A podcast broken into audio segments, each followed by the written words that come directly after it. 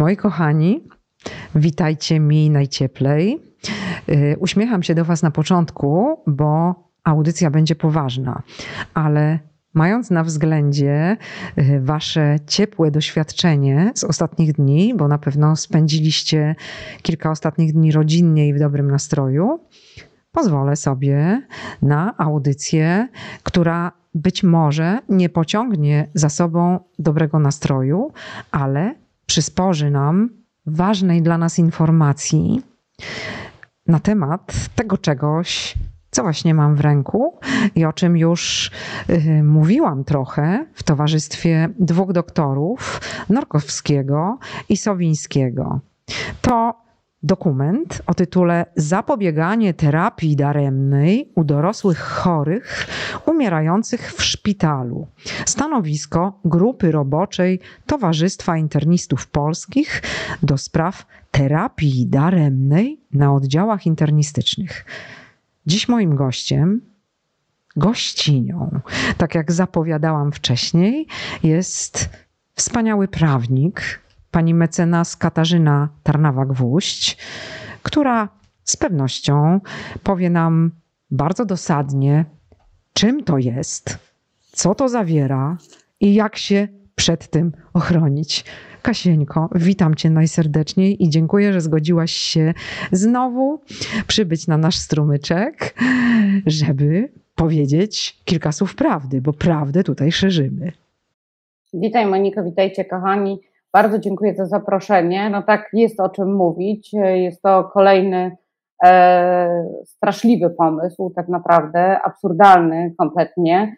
E, omówimy sobie po kolei tutaj elementy, które ja jako, patrząc tak okiem prawnika, wyłapałam jako te najbardziej niebezpieczne i najbardziej bulwersujące dla mnie, e, bo e, cały ten dokument, który stanowi tak naprawdę wytyczne, on nie jest w stanie stać się ustawą, ponieważ jest absolutnie niezgodny z wieloma ustawami polskimi z polską konstytucją, ale o tym może za chwilę.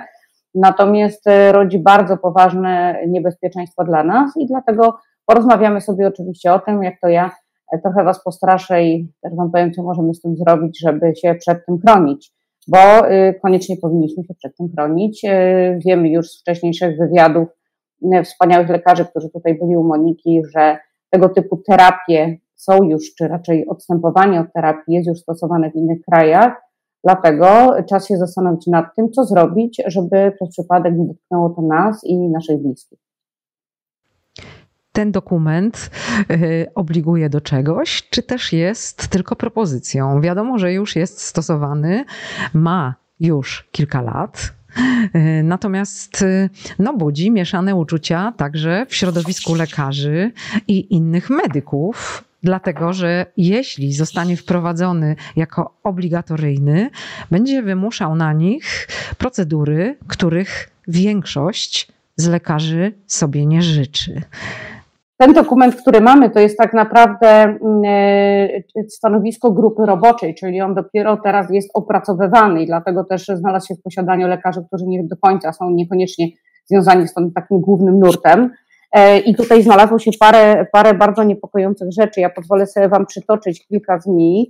E, pierwszą rzeczą jest e, odwoływanie się do tak zwanej terapii uporczywej. To jest taka konstrukcja, która jest stosowana od lat, bodajże w 2013 roku pojawiło się jako projekt Gowina i jest stosowana na ten temat. Wypowiadało się wiele autorytetów, również ze środowiska prawniczego oraz medycznego, i tutaj w sposób absolutnie nieuprawniony jako argumentacja e, za, za wprowadzeniem tej konstrukcji, czyli e, tak zwanej terapii daremnej, posłużono się, ja uważam, że w sposób absolutnie nieuprawniony. Ciekawe jestem, czy autorytety typu pan profesor Zoll wiedzą o tym, że jego wypowiedzi są cytowane w tym akcie jako usprawiedliwiające to, z czym, o czym aktualnie rozmawiamy, bo jest to absolutny skandal. Porównywanie terapii daremnej do terapii uporczywej E, jest absolutnie nieuzasadnione, e, próby szukania analogii są absolutnie nieuprawnione. Tutaj z jednej strony manipulacja, manipulacja Kasiu, to jest bardzo prosta absolutnie. manipulacja. Mhm. Tak, absolutnie tak. E, tutaj posłużono się tak naprawdę dokumentami, które były zastosowane w 2013 roku właśnie przy rozpatrywaniu konstrukcji. Tu mam bardzo dużo papierów, więc wybaczcie, tu troszeczkę będę grzebała. I mam tutaj właśnie między innymi te, te zasady wytyczne, które zostały zastosowane w 2013 pod kątem terapii daremnej, która już się znalazła w tym momencie w kodeksie etyki lekarskiej. I tutaj mówimy o pacjentach już w fazie termalnej, tak, czyli faza terminalna, tak, przepraszam oczywiście. I zaraz sobie do tego przejdziemy, natomiast chciałabym Wam przytoczyć parę parę zapisów, które tutaj są absolutnie absolutnie niedopuszczalne. Y, no w fazie terminalnej nie da się być przez 12 miesięcy, to jest pewne. Zgadza się. Natomiast tutaj mamy na przykład y, y, kwestię rozpatrywania w tym dokumencie zgody, czy raczej braku możliwości udzielenia zgody przez osobę, która jest pełnoletnia i która jest nieprzytomna. I w takiej sytuacji, tutaj zgodnie z tym opracowaniem, tak bardzo by chcieli e, tutaj autorzy, e, taka osoba podlega absolutnemu władztwu lekarzy, e, nie trzeba zgody sądu opiekuńczego na ewentualnie podjęcie decyzji, co jest, co jest, to jest absolutnie totalnie. A głos rodziny nie ma żadnego znaczenia i powinien być pominięty, jak sugeruje eksplicite ten dokument. Tak, tak, jak najbardziej. Właśnie tutaj, tutaj zgodnie z tym, co mnie uczono i z, z moją praktyką, nie tylko moją, bo zdążyłam sobie oczywiście kwestię zgody pacjenta tutaj dobrze zweryfikować, E, żeby się upewnić, że mam rację. E, jest oczywistą rzeczą, jak wygląda sytuacja w przypadku osób e, niepełnoletnich, czyli poniżej 16, i nawet mamy rozgraniczenie 13 rok życia, 16 rok życia, 18 rok życia i tutaj są bardzo różne konstrukcje zastosowane. Natomiast w przypadku osób dorosłych, pełnoletnich, które nie są ubezwłasnowolnione, zdaniem autorów nie jest wymagana zgoda sądu opiekuńczego na to, żeby kogoś odłączyć od aparatury albo nie wykonywać zabiegów medycznych i pozwolić mu po prostu umrzeć. Zgoda pacjenta jest fundamentalnym elementem przeprowadzania jakichkolwiek zabiegów. E, w związku z powyższym jest to, jest to totalny absurd. E, proszę zwrócić uwagę tutaj na jedną rzecz, to są zalecenia grupy roboczej, jak powinien być wizerunek szpitala tutaj kreowany. W szpitalach należy zadbać o przekaz, że akceptowanie naturalnej śmierci gdy jest ona nieunikniona, nie jest wyrazem rezygnacji z leczenia, ale wdrożenia czy też intensyfikacją działań ukierunkowanych na to, co jest najważniejsze dla chorego umierającego. I tutaj e, ta zgoda, o której mówimy, tutaj właśnie jest taka piękna tabelka, gdzie w ogóle nie ma e, takiej konstrukcji jak zgoda sądu na ewentualnie podjęcie decyzji za pacjenta pełnoletniego, który jest nieprzytomny. E, według autorów to jest kompletnie niepotrzebne, to, to jest pełne władztwo lekarza. I tutaj pozwolę sobie przytoczyć taki fragment, który mnie naprawdę uderzył. A więc y, już mówię o co chodzi. E, zdolność do, do podejmowania świadomej decyzji odnośnie do dalszego leczenia lekarz może je kontynuować po uzyskaniu zezwolenia sądu. I oni tutaj nawet powołują artykuł 37 ustęp 3 ustawy o zawodzie lekarza, powołują również y, fakt, że jeżeli y, sam y, pod warunkiem posiadania w danym momencie faktycznej zdolności do podejmowania świadomej decyzji ma obowiązek poda, podjąć, y, taką decyzję podjąć pacjent. I tutaj to jest wskazane jako obligatoryjne elementy, żeby prowadzić jakiekolwiek procedury lub nie w stosunku do pacjenta. Po czym przechodzimy bardzo szybko, że konieczność uzyskania zezwolenia sądu na leczenie takiego pacjenta wynika z faktu, iż nie ma on przedstawiciela ustawowego, który byłby uprawniony takie decyzje podejmować w jego imieniu. Trzeba bowiem pamiętać, że wola osób bliskich, nawet upoważnionych przez pacjenta do otrzymywania informacji o jego zdrowiu, nie jest prawnie skuteczna. Czyli w ogóle nie ma mowy o sądzie, i teraz przechodzimy do najważniejszych elementów. Też nie ma też procedury powoływania takiego reprezentanta. Ten dokument się w ogóle tym nie zajmuje. On po... Nie, bo według tego. No nie bo, nie, bo według tego dokumentu w ogóle nie ma takiej potrzeby. I taką, y, przepraszam za wyrażenie, ciemnotę wciska się lekarzom. I tutaj jest nawet wskazane, że y, nawet jeżeli by rodzina oponowała, czy y, kwestia zezwolenia sądu y, dotyczy tylko i wyłącznie ewentualnie poddania konkretnemu zabiegowi, natomiast bardzo przewrotnie tutaj jest interpretacja tak skonstruowana, że sąd tylko wyraża zgodę na konkretny zabieg, ale jeżeli mówimy o odstąpieniu od zabiegu, to już sąd nie wyraża żadnej zgody zdaniem autorów. I tutaj jest napisane, że wręcz przeciwnie, decyzję o odstąpieniu od terapii daremnej lekarze podejmują sami na podstawie oceny stanu zdrowia pacjenta, możliwości terapeutycznych oraz rokowania w przypadku ich zastosowania albo zaniechania. I proszę sobie teraz wyobrazić, że y, tutaj dalej właśnie jest odwołanie do, do kwestii tej tak zwanej y, y, zgody sądu opiekuńczego. Tutaj nawet się pochyla autor na tak zwaną zgodą zastępczą, że przepisy wskazują bowiem jedynie procedurę uzyskania tak zwanej zgody zastępczej, czyli tą właśnie to jest ta zgoda sądu, ale nie obliguje to lekarza do konsultowania z sądem każdego przypadku.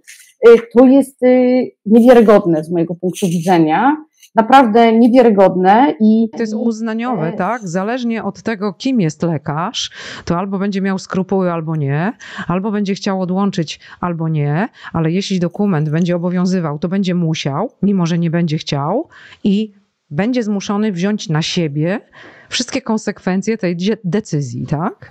I tak, ten dokument całkowicie przewraca nie tylko konstrukcję prawną do góry nogami, wbrew przepisom, ten dokument jeszcze dodatkowo upewnia lekarzy, którzy nie mają obowiązku znać się na przepisach prawa, to nie jest ich dziedzina, upewnia ich w tym, że mają prawo arbitralnie, bez konsultacji z kimkolwiek, ewentualnie z kolegą specjalistą, podejmować decyzje o czymś życiu i zdrowiu i o tym, czy będzie prowadzona terapia. To jest absolutnie niedopuszczalne. To jest horrendum. Mnie się tak, tak wydawało. Utwierdzasz mnie w tym. Ten dokument wręcz nawet mówi, że nie wolno y, lekarzowi wykonywać takiej terapii daremnej, bo to jest niezgodne z prawem i z aktualną wiedzą medyczną. Jest to całkowite odwrócenie wszystkiego, tak? To jest, to jest coś niesamowitego. Mnie się wydaje, jak przeczytałam te karteczki, że no. Y, w niekiedy, niekiedy lepiej do szpitala nie pojechać, bo jak się pojedzie do szpitala, to się człowiek dowie i jego rodzina, że nie ma sensu tego leczyć i że trzeba się upewnić w tym, że ten człowiek teraz już powinien umrzeć i że powinno się mu właściwie w tej śmierci pomóc, no bo y, to jest dla niego lepsze niż spróbować go leczyć. No zgadza się i tutaj nawet są wytyczne, jak ewentualnie postępować z bliskimi, którzy oponują. Ewentualna wola osób bliskich pacjenta nie ma tutaj najmniejszego znaczenia prawnego, gdyż nie mają oni żadnych uprawnień do zmuszenia lekarza do postępowania w sposób sprzeczny z prawem. Czyli teraz nie jest zgodne z prawem leczenie, tylko teraz zgodne z prawem jest pozwalanie umierania pacjentom bez ich ratowania, tak? I tutaj jest kolejny element zgody na zaniechanie terapii daremnej, ale podwyższenie komfortu umierania pacjenta, który z pewnością będzie umierał godniej w otoczeniu najbliższych, akceptujących jego zbliżającą się śmierć i skupionych na podnoszeniu jakości jego życia, w tym okresie niż otoczonych osobami jej nieakceptującymi, emanującymi wrogimi emocjami, natarczywie żądającymi świadczeń, dla niego niewłaściwych, a wręcz grożących osobom wykonującym zawody medyczne sankcjami prawnymi, prawnymi lub powiadomieniem mediów. To jest skandal. Ten dokument to jest skandal. Tutaj ja powiem szczerze, że y, kompletnie, y, kompletnie zdruzgotały mnie wytyczne, jakich osób y, ma ewentualnie taka decyzja dotyczyć. Ma dotyczyć osób, które mm, czy mają być w ogóle podjęta jakakolwiek terapia, czy nie, których spodziewany czas przeżycia jest poniżej 12 miesięcy, e, które e, są hospitalizacja z powodu zaostrzenia choroby przewlekłej w ciągu ostatnich kilku miesięcy nastąpiła. I teraz tu jest e, następne fantastyczne po prostu wskazanie, konieczność stałej opieki osób trzecich. Czyli co, od tej pory teraz wszystkie osoby obłożnie chore, osoby w podeszłym wieku, które potrzebują pomocy, stałej opieki osób trzecich należy i przewlekle chorych należy umrzeć, y, należy im pozwolić umrzeć. To jest niewiarygodne dla mnie, y, o czym my tu mówimy. Chorych na tak. Choroby układu krążenia, to są cywilizacyjne choroby przewlekłe. Tak?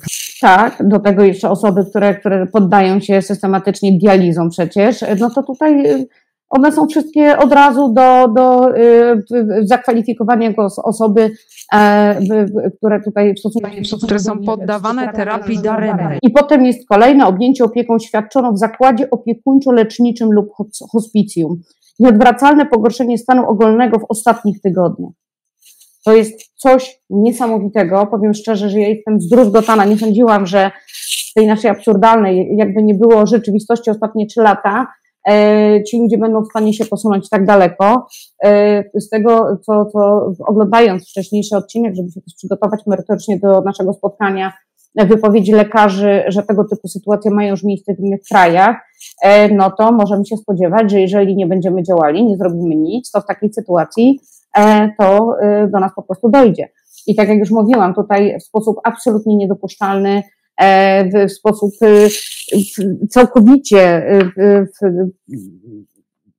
modyfikujący przesłanie tego, co się działo odnośnie tak zwanej terapii e, uporczywej, czyli gdzie mamy faktycznie osoby w tej, w tej ostatniej fazie, tak? E, tutaj to miało e, naprawdę sens. Tu mówimy o przypadkach, bo ja prześledziłam sobie takie opisy kilku hospicjów, artykuły na ten temat, to tak naprawdę jest tu mowa o tym, że Mm, to jest okres kilku tygodni tak naprawdę, okres agonalny około trzech dni, okres ten już taki... Ty to wie? z, ze służby medycznej, kiedy to się pojawia, prawda? To nie jest, to jest przesunięcie jakiejś granicy, która tak naprawdę nie jest granicą umierania. To jest rozwiązanie um, takiego worka, z, z, to jest otwarcie przestrzeni, która do tej pory nie istniała.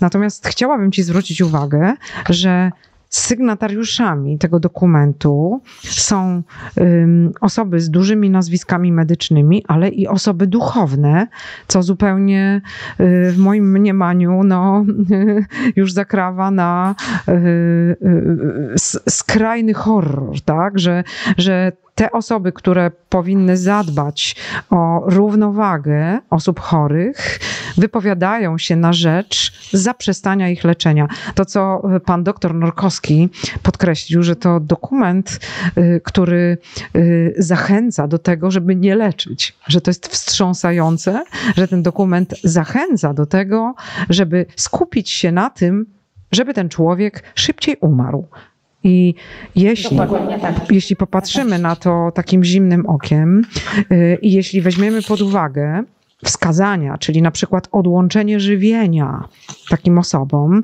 które to skutkuje tym, bo zadałam to pytanie lekarzom, że y, pacjent około dwóch tygodni umiera w strasznych męczarniach. Nie są mu podawane antybiotyki, nie są mu podawane żadne y, dożylne, y, uśmierzające cierpienie leki, no bo to też jest element obecny w tym dokumencie, który należy odstawić w ślad za sugestią y, tego, co tu napisano. Wydaje się, że coś takiego nie może się pojawić. Pan doktor Sowiński zadał pytanie, czy ten dokument nie jest podżeganiem do zabijania? Moim zdaniem tak. Jak ty to widzisz? No Moim zdaniem tak. Ja jeszcze pozwolę sobie zwrócić do, do, jednego, do jednej rzeczy, bo starałam się znaleźć definicje, na których opierały się mm, założenia e, tej terapii uporczywej, tak? czyli to, z czym mamy już teraz do czynienia, to, co zostało nawet wskazane w kodeksie etyki lekarskiej, że w takiej sytuacji lekarz nie ma obowiązku podejmowania czy reanimacji, czy dalszych działań, e, ale tu mówimy właśnie o tych osobach, które są już naprawdę e, w końcowej fazie życia, tak? I tutaj e, autorzy tego opracowania w 2013 roku starali się zdefiniować tą kwestię. I dlatego stanem termalnym jako przepraszam, stanem terminalnym, jako nieodwracalny stan spowodowany urazem lub chorobą, która wywołała poważne, postępujące i trwałe pogorszenie zdrowia przy istnieniu uzasadnionego medycznego przekonania, że leczenie tego stanu byłoby nieskuteczne. E, chodzi tutaj o nieodwracalność i postępujący charakter choroby, zmierzający do nieuchronnej e, śmierci, tak? Z drugiej strony brak możliwości wyleczenia pacjenta, czy nawet poprawy jego zdrowia do takiego stanu, by przestał znajdować się w stanie terminalnym. E, I czym innym tutaj jest faza terminalna, czyli końcowa faza życia nieuleczalnie chorego pacjenta, który w sposób niebudzący wątpliwości można przewidywać, że śmierć nastąpi w ciągu najbliższych dni. Dni. E, ten dokument, na którym w sposób absolutnie skandaliczny, nieuprawniony oparli się autorzy terapii daremnej, e, próbuje argumentację z dokumentu, o którym mówimy, gdzie tu mamy e, ludzi ostatniej fazie życia, dni, tygodni, próbują w to wtłaczać możliwość zagłodzenia ludzi, próbują w to wtłaczać ludzi, którzy potrzebują pomocy osób trzecich i ludzi, e, którzy e, nie rokują w ciągu 12 miesięcy życia na przeżycie. To jest niewyobrażalne dla mnie i jak najbardziej tak, zgadzam się tutaj, jeżeli chodzi o kwestię tego, co powiedział pan doktor Sowiński. Ja sobie przygotowałam wyciąg w ogóle przepisów, które narusza ten projekt. To jest projekt wytycznych oczywiście, tu musimy sobie od razu powiedzieć, że to są wytyczne, które nie są w stanie stać się przepisami naszego prawa, nigdy nie będą obowiązywały. To nie, no to z konstytucją, że, prawda? Nie tylko, ja zaraz powiem, jakimi przepisami. O coś innego mi chodzi. Chodzi mi o to, że y, ten projekt wytycznych, proszę zobaczyć, on nakłada wręcz, straszy lekarzy, że jeżeli będą dalej leczyli pacjentów, to będą postępowali niezgodnie z prawem, że narażają się na odpowiedzialność karną, cywilną, bo będą i dyscyplinarną, bo będą działali niezgodnie z aktualną wiedzą medyczną. Jeżeli te wytyczne staną się aktualną wiedzą medyczną, aktualnymi procedurami le leczenia, raczej nie leczenia, to w takiej sytuacji lekarze będą się bali podejmować leczenia, ponieważ będą się narażali na odpowiedzialność e, e, ze strony swoich samorządów. To jest przerażające. E, jeżeli chodzi o kwestię oceny pod kątem karnym, dokument rekomenduje Naczelna Izba Lekarska. Tak, podobnie jak, naczel, tak, podobnie jak Naczelna Izba Lekarska była inicjator, inicjatorem zmiany kiedyś, żeby pobrać od kogoś organy, trzeba było wyrazić pisemną zgodę. E, teraz jest odwrotnie, teraz jest domniemana zgoda i ewentualnie trzeba wyrazić sprzeciw. O tym sobie też szybciutko tylko powiemy na końcu, natomiast dla mnie te działania przede wszystkim to jest przekroczenie uprawnień e, przez osoby, które będą przymuszały innych lekarzy, lekarzy podległych samorządowi E, lekarskiemu do tego typu działań 231 kodeksu karnego. E, kolejne 255 kodeksu karnego, paragraf pierwszy. Kto publicznie nawołuje do popełnienia występku lub przestępstwa, e, przepraszam, paragraf drugi. Kto publicznie nawołuje do popełnienia zbrodni, podlega karze pozbawienia wolności do lat trzech. Kto publicznie pochwala popełnienie przestępstwa, podlega grzywni do 180 stawek dziennych, karze ograniczenia wolności albo karze pozbawienia wolności do roku. Artykuł 148 zabójstwo. Kto zabija człowieka podlega karze pozbawienia wolności na czas nie krótszy od 10 lat albo karze dożywotniego pozbawienia wolności. Kto zabija człowieka za szczególnym okrucieństwem, to jest artykuł 148 paragraf drugi. Jeżeli mówimy o zagłodzeniu kogoś e, albo o pozbawieniu go e, dializ, co podobno wiąże się z ogromnym bólem i cierpieniem, to w takiej sytuacji moim zdaniem jest to właśnie paragraf drugi kto zabija człowieka ze szczególnym okrucieństwem, podlega karze pozbawienia wolności na czas nie krótszy od 15 lat albo karze dożywotniego pozbawienia wolności. Następny. E, tej samej karze podlega, e, kto jednym czynem zabija więcej niż jedną osobę e, lub w związku z pełnieniem przez niego obowiązków służbowych związanych z ochroną bezpieczeństwa ludzi lub ochroną bezpieczeństwa lub porządku prawnego, czyli tej karze czyli tej karze y, na czas nie krótszy niż 15 lat albo karze dożywotniego więzienia. Następny, artykuł 15, y, artykuł 158, przepraszam, kodeksu karnego, zabójstwo eutanatyczne. Kto zabija człowieka na jego żądanie pod wpływem współczucia dla niego, podlega karze pozbawienia wolności od lat 3 do lat 5. E, tutaj e, proszę zwrócić uwagę, że w początkowej fazie e, autorzy twierdzą, że to nie ma nic wspólnego z eutanazją, że eutanazja jest absolutnie karalna w naszym kraju. E, e, potem tutaj mamy artykuł 151. Tu jest znowu namowa i pomoc w samobójstwie. Kto, e, na, kto namową lub przez udzielenie pomocy doprowadza człowieka do targnięcia się na własne życie, podlega karze pozbawienia wolności od 3, 3 miesięcy do 5 lat.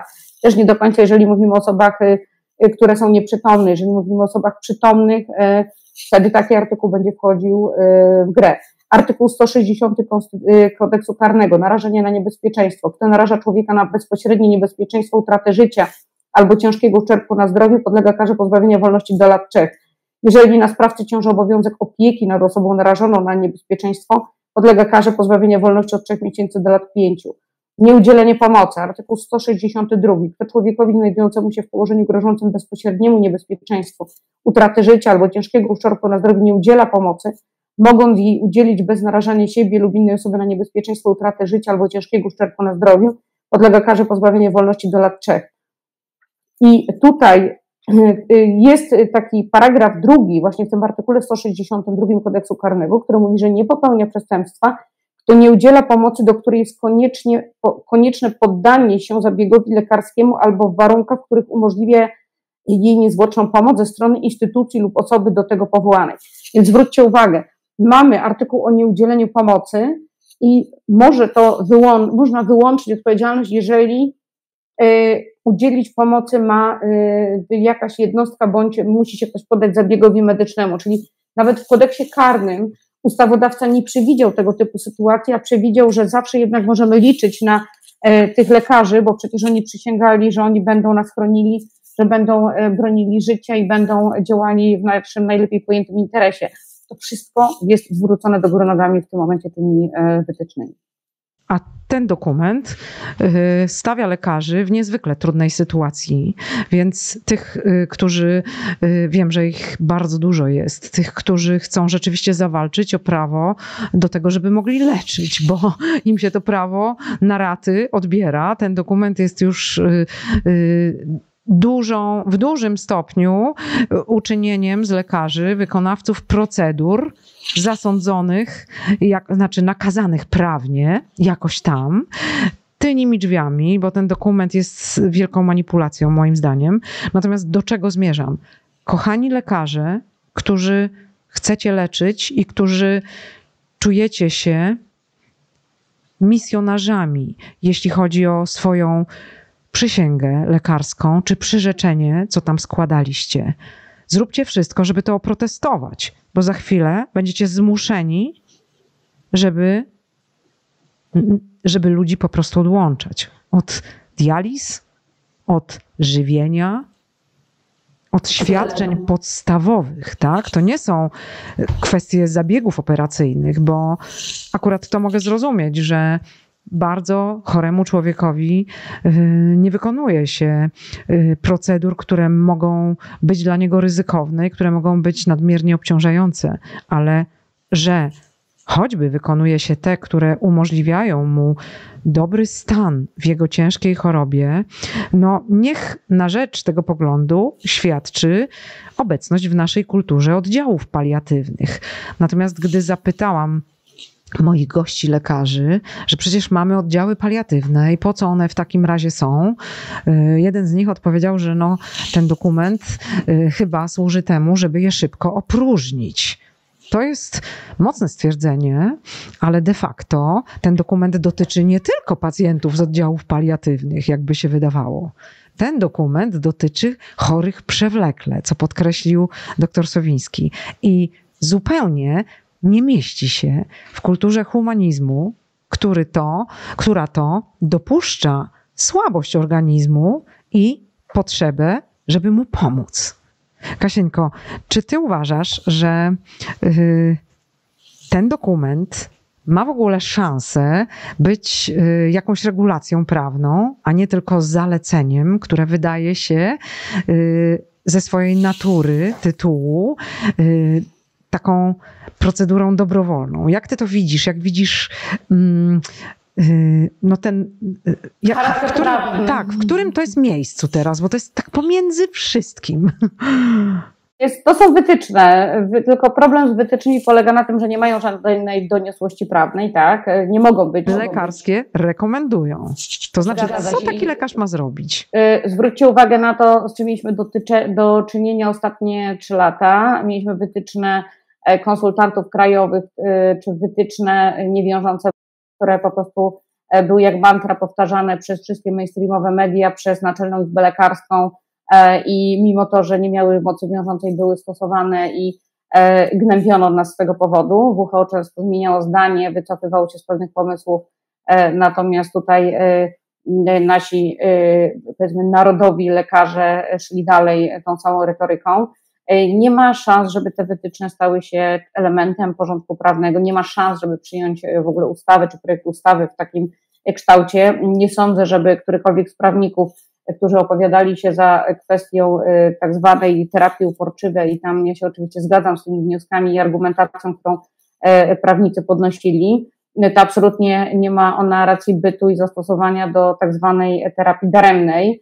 E, ona jest niezgodna, ona jest niezgodna e, tutaj e, z wieloma elementami. Ja Wam zaraz przytoczę z artykułem 30, 31, 32 Konstytucji, artykułem 38 prawo do ochrony życia, artykułem 40 zakaz tortur, zakaz poniżającego traktowania. Pamiętajmy, miejmy na względzie kwestię odłączenia kogoś od jedzenia i zagłodzenia go. To są tortury przecież. Artykuł 68 prawo do ochrony zdrowia. Mamy do tego wszyscy prawo, po to płacimy składki ZUS-owskie i mówiąc brzydko kolokwialnie, psim obowiązkiem jednostek tutaj medycznych czy placówek medycznych jest pomaganie nam, leczenie nas i ochrona naszego życia. Ten, te, te wytyczne są niezgodne z ustawą o działalności leczniczej, artykuł, artykuł 5 ustęp 5, ustawą o zawodzie lekarza i zawodzie dentysty, ustawą o świadczeniach opieki zdrowotnej finansowanych ze środków publicznych, ustawą o prawach pacjenta i rzeczników praw pacjenta, kodeksem etyki lekarskiej. Na dzień dobry artykuł drugi, zaraz o tym porozmawiamy. I oraz oczywiście Europejską Kartą Praw Człowieka i Obywatela i wiele innych przepisów, e, przepisów międzynarodowych. E, tutaj e, ja bym chciała zwrócić Wam uwagę, taką ciekawostkę znalazłam, zawsze mówimy o tym, że lekarze składają przysięgę Hipokratesa, to jest nieprawda. Lekarze składają przyrzeczenie lekarskie i tutaj treść brzmi, że przyjmuję z szacunkiem i wdzięcznością dla moich mistrzów nadany mi tytuł lekarza, w pełni świadomy związany z nimi obowiązków, przyrzekam. Obowiązki te sumiennie spełniać, służyć życiu i zdrowiu ludzkiemu. Przejdźmy dalej. E, przejdźmy dalej.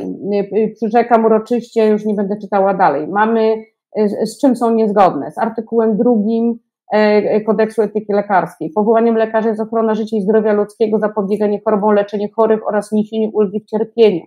Lekarz nie może posługiwać się wiedzą i umiejętnością lekarską w działaniach sprzecznych z tym powołaniem.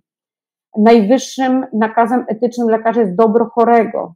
Mechanizmy rynkowe, naciski społeczne i wymagania administracyjne nie zwalniają lekarza z przestrzegania tej zasady. Artykuł trzeci. Lekarz powinien zawsze wypełnić swoje obowiązki z poszanowaniem człowieka bez względu na wiek, płeć, rasę, wyposażenie e, genetyczne, narodowość, wyznanie, przynależność społeczną i tak dalej. Artykuł czwarty artykuł 5, artykuł 13, artykuł 15. To wszystko jest niezgodne z tymi artykułami. E, jest niezgodne również z artykułem 17, e, który mówi, że w razie niepomyślnej dla chorego prognozy lekarz powinien informować o e, niej chorego z, taki, z taktem i ostrożnością. Tu mówimy o przygotowaniu do śmierci, tak? Umrzesz, masz 12 miesięcy życia, prawdopodobnie, bo ja tak uważam, e, jesteś skazany, ja cię skazuję na śmierć, od tej pory nie leczymy cię, odstępujemy od wszelkich procedur, tak? Taktem i z ostrożnością. Nie ma takich, nie ma takich zdarzeń. Przypadek profesora Talara to udowadnia tysiąc niemal pacjentów, którzy zostali uznani za y, takich, którzy w ciągu najbliższych paru dni już y, będą umarli, albo nawet już dostali diagnozę śmierci mózgowej. On ich obudził, y, oni żyją, często mają dzieci, pokończyli studia. Nikt nie może być pewnym, kiedy ktoś umrze, a to, co ten dokument porusza, że trzeba uznać nieuchronność śmierci, nie usprawiedliwia tego, żeby człowieka nie leczyć przez rok, tak? Dlatego, że każdy z nas nieuchronnie umrze. Zgadza się. No, życie, y, choroba przenoszona, y, śmiertelna choroba przenoszona drogą płciową, prawda? Tak jest, tak no. jest. Potem y, znowu jest to niezgodne z artykułem 19 kodeksu etyki lekarskiej, 20 kodeksu etyki lekarskiej, 30, 31, 32. E, no i w sumie tyle, tak? Ja Wam przytoczę kawałek, e, fragment e, przysięgi Hipokratesa, która mówi, że moment, nigdy nikomu ani na, żad, na żądanie, ani na prośby niczyje nie poddam lekarstwa śmiertelnego, ani też sam nie powezmę takiego zamiaru, jak również nie udzielę żadnej niewieście środka poronnego. Czyli macie e, tutaj to przesłanie takie podstawowe dla lekarzy, czyli totalna, absolutna ochrona e, zdrowia, ochrona życia ludzkiego. Jak to się ma do tego? To jest, to jest, to jest coś niesamowitego. E, tak jak już mówiłam, te wytyczne są absolutnie niezgodne z innymi ustawami, czyli z ustawą o prawach pacjenta, ustawą o mm, lecznictwie, ustawą o leczeniu ze środków publicznych. Tam wprost są wskazane artykuły, które mówią o tym, że my mamy bezwzględne prawo do świadczenia e, opieki zdrowotnej, że mamy bezwzględne prawo dostępu do lekarza na każdym etapie. E, konstytucja wśród swoich przepisów, bodajże właśnie tego artykułu 68 nakłada szczególnie, szczególne obowiązki, e, jeżeli chodzi o pomoc i o kwestie leczenia osób w podeszłym wieku. Artykuł 68 ustęp 3. Władze publiczne władze publiczne są zobowiązane do zapewnienia szczególnej opieki zdrowotnej dzieciom, kobietom ciężarnym, osobom niepełnosprawnym i osobom w podeszłym wieku. E, wszystkie te rzeczy, które Wam przytoczyłam, e, już nie będę nawet wymieniała tych pozostałych artykułów, czy z ustawy o działalności e, leczniczej, czy z ustawy o prawach pacjenta, czy z ustawy o właśnie świadczeniach z zakresu świadczenia, które są o zawodzie lekarza i dentysty, które tutaj też się nam pojawia, tak? Nie będę Wam tego wszystkiego przywoływała, bo to jest po prostu E, niewiarygodne, że my w ogóle, e, że my w ogóle o tym musimy rozmawiać, tak? E, z mojego punktu widzenia jako człowieka i jako prawnika mnie się to po prostu w głowie nie mieści. Oczywiście przygotowałam dla Was pewne rozwiązanie, co możemy z tym zrobić. Na pewno tutaj ja bym się przychylała do tego, co mówił, o czym mówił Marcin Sobliński, czyli trzeba zrobić dużą, taką medialno-publiczną akcję uświadamiania ludzi, z czym mamy do czynienia, żeby wyrazić swój kategoryczny sprzeciw przeciwko wprowadzeniu tego typu strasznych pomysłów przez lekarzy, którym się chyba pomyliło i zapomnieli, że oni są od ochrony życia, a nie od jego odbierania i decydowania, kto kiedy ma umrzeć i z jakiego powodu. E, więc, czynimy, więc... co właśnie czynimy. Tak, Cały ten tutaj... cykl ma temu służyć i będzie szeroko upubliczniany, a do Was y, tutaj y, prośba, udostępniajcie to globalnie, bo im bardziej będziemy to poruszać, im więcej osób będzie o tym mówić, tym ten materiał będzie miał większą siłę rażenia, bo trzeba ludziom uświadamiać, że są w pewnym realnym niebezpieczeństwie, dlatego że jeśli pójdziesz do szpitala, to pan doktor może zdecydować, że właśnie znajdujesz się w sytuacji, y, w której twoja terapia jest daremna, bo on uważa, że ty umrzesz w ciągu 12 miesięcy i że nie ma sensu cię leczyć. I co gorsza, ta procedura, która jest tutaj opisana, daje nędzne szanse, żeby rodzina cię ze szpitala wyjęła. Kasiu, zauważyłaś to? Tak, tak. Tak, dlatego tutaj jest wskazane nawet, żeby rodzinę odizolować i żeby, jeżeli rodzina się nie podda temu, co powiedział lekarz, czyli że pacjent ma umrzeć i koniec i odłączamy go od wszystkiego i będzie próbowała cokolwiek robić w kierunku tego, żeby, żeby jednak no, podjęto terapię, czy, czy żeby pomóc temu swojemu bliskiemu, to lekarz ma prawo odizolowania takiego pacjenta od rodziny. Mieliśmy już tego próbkę w ciągu ostatnich trzech lat. Wiemy, jak traumatyczne to było przeżycie dla wielu ludzi. Dlatego no, nie pozwólmy na to, żeby to się powtórzyło, szczególnie, że chcą to zrobić już nie w przypadku tak zwanego nadzwyczajnego stanu, jakim była epidemia, ale chcą po prostu wprowadzić to jako standardową praktykę działania. Nie możemy na to absolutnie pozwolić. Ja zresztą chcę Wam zaproponować jedno rozwiązanie, żeby się zabezpieczyć też przed tym. Przygotowałam dla Was wzór pisma sprzeciw na y, w ogóle objęcie nas teraz, na przyszłość, w zależności od różnych przypadków, sytuacji nagłych, sprzeciw na y, stwierdzenie, iż podjęte leczenie w stosunku do mnie e, teraz i w przyszłości może w ogóle podlegać y, rozpatrywaniu jako terapia daremna. E, I takie oświadczenie mm, oczywiście możecie z mojej strony e, sobie pobrać. To będzie numer 84. E, to znajdziecie pokażemy to, pokażemy to. Jeszcze tego nie ma, bo mój informatyk jeszcze tego nie umieścił. Natomiast wśród wzorów pism płatnych 84 pismo to jest właśnie pismo ten sprzeciw na tą terapię daremną. I tutaj taka uwaga, bo ja tam oczywiście wyszczególniłam wszelkie możliwe sugerowane w tym dokumencie roboczym E, elementy, które miałyby podlegać e, wyłączeniu czy wycofaniu w stosunku do Was. E, sugeruję zastanowić się nad tym i ewentualnie pobrać takie, takie sprzeciwy sobie, żeby mieć je na przyszłość. Tutaj ze szczególnym uwzględnieniem osób w podeszłym wieku czy osób przewlekle chorych, aczkolwiek tak naprawdę no, każdego z nas może coś, oczywiście czego niczemu, nikomu nie życzę, ale różne wypadki chodzą po ludziach, więc proszę to przemyśleć.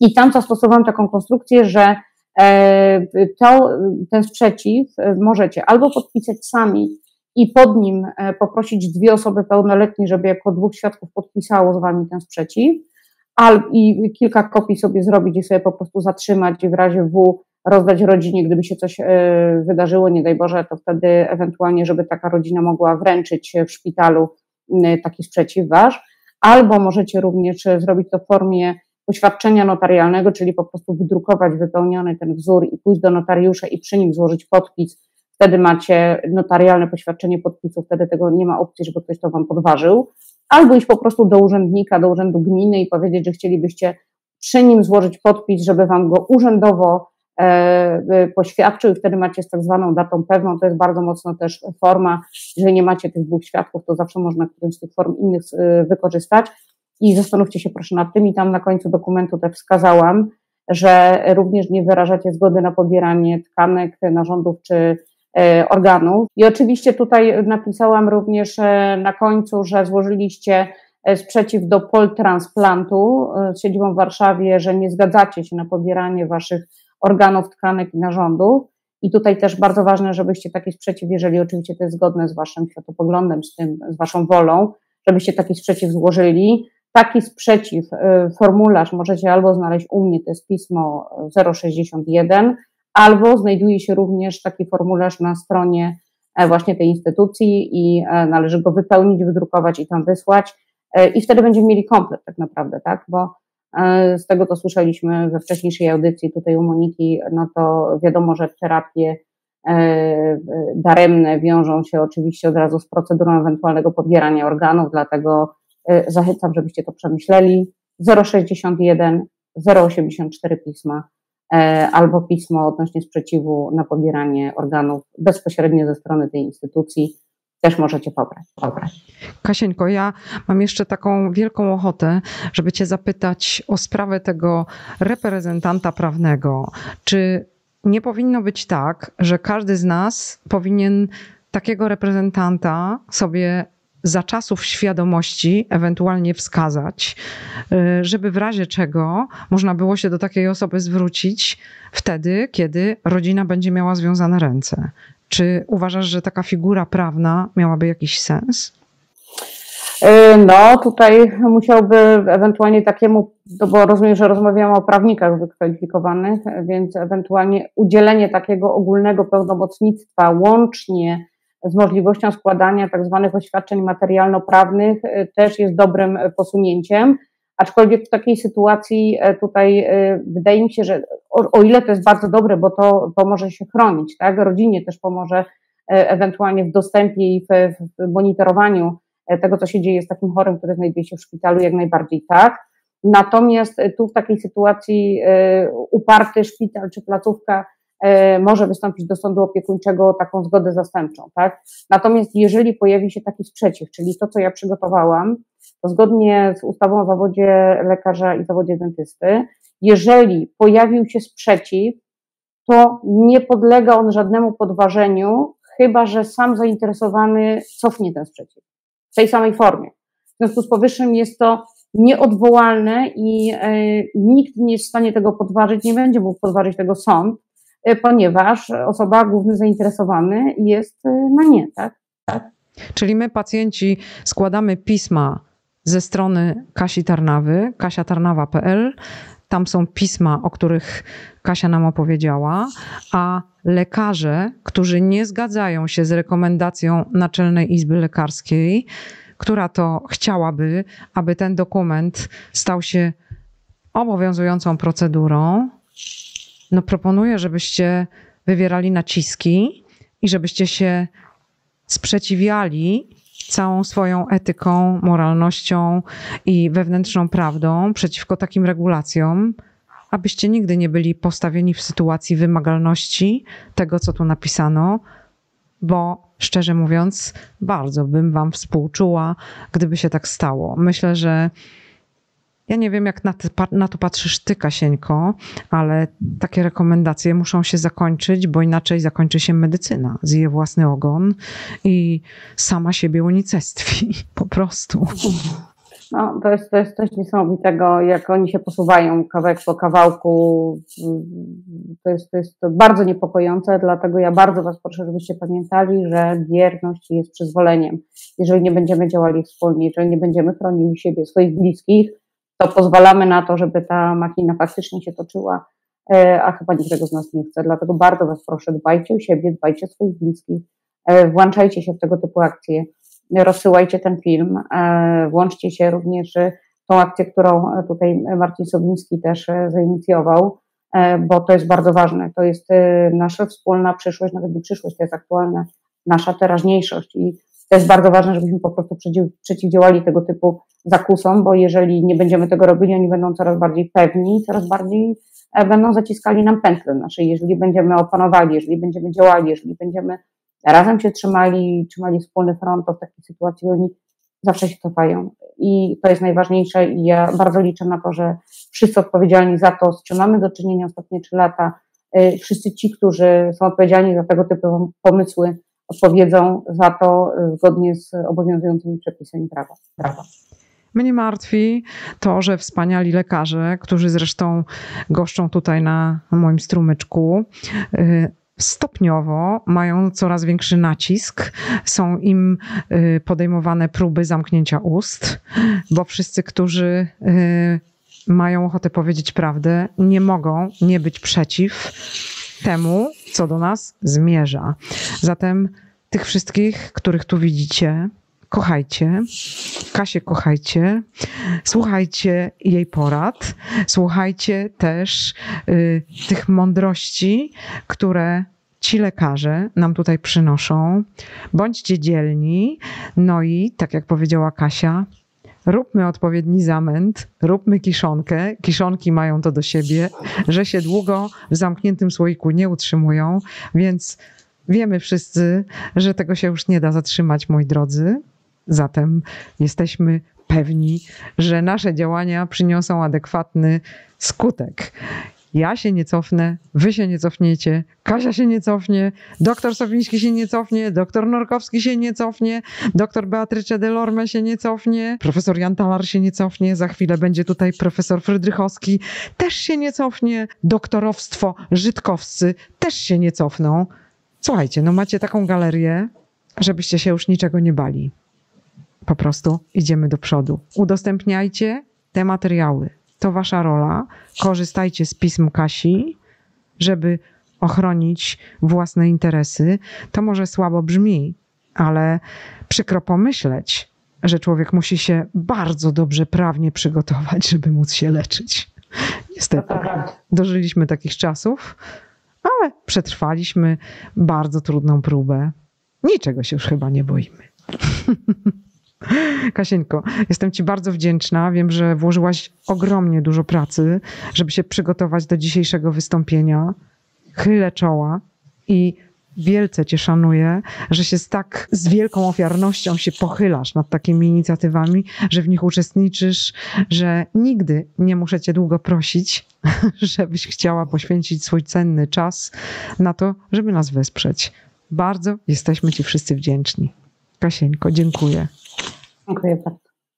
Kochani, działamy. Czuj duch.